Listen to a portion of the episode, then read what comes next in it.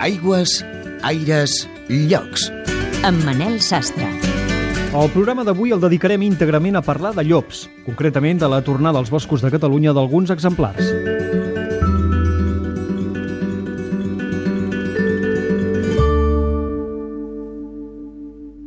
Les veus dels llocs.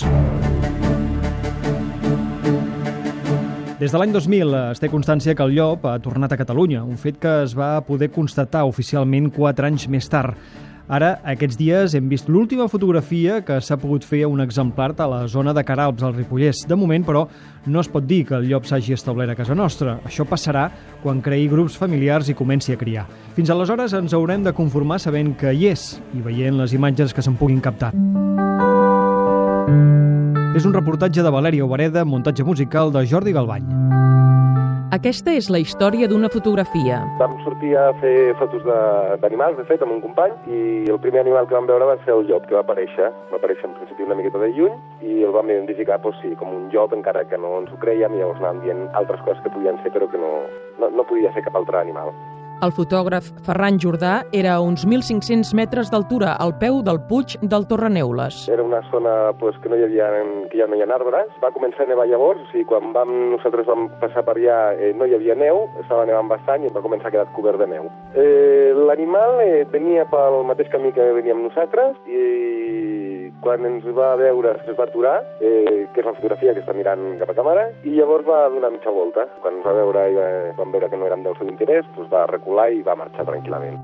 I malgrat que era al davant d'una situació única, un fotògraf sempre és un fotògraf. El que penses més eren les qüestions tècniques, diries. Eh, hi havia una certa dificultat perquè estava molt fosc. Serien les 5 de la tarda. Eh, es va cobrir tot i eh, de núvols grisos i va quedar tot en gris. Eh, estava nevant, el cel era ben gris i al moment de fer la fotografia em recordo que el, que jo pensava és aviam com es fa perquè, perquè pugui sortir una cosa decent. No? El llop ha trigat dècades a tornar a trepitjar Catalunya. Des dels anys 30 o 40 no se'n té cap constància. I ara se sap que hi és, però de manera aïllada, sense formar una bandada.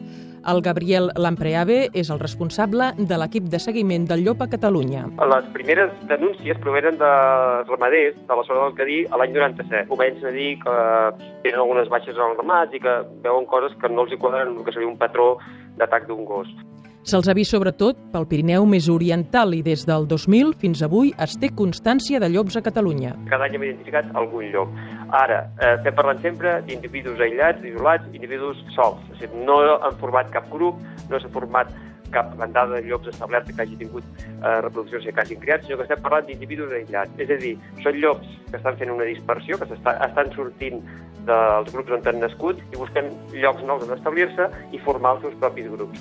Però per què és important tornar a tenir llops a Catalunya? Tenim uns ecosistemes totalment desequilibrats, o sigui, el llop és una peça més dels sistemes naturals, té una funció importantíssima. Els llops actuaran segurament regulant algunes espècies que a dia d'avui també estan posant greus perjudicis, sobretot a l'agricultura. La solució possiblement passa per les espècies animals no com si són bones o dolentes des del punt de vista humà per si interfereixen amb les nostres activitats, sinó intentar trobar la manera de poder cohabitar amb elles. Pensem també qui fa por aquí. Els llops tenen una por instintiva, una por, jo fins i tot m'atreviria a dir atàvica, l'home.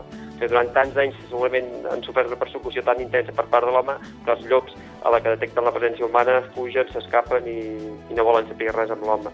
Podem anar tranquil·lament a passejar pel bosc, són molt tímids, són molt fullissers, són molt porucs, I el desig de retrobar el llop, Ferran Jordà el té. M'agradaria tornar-ne a veure perquè seria senyal de que, de que n'hi ha més. Si n'hi ha la quantitat de llops que n'hi ha ara, doncs el més probable és que mai més es torni a veure un llop, perquè realment és una cosa ben difícil.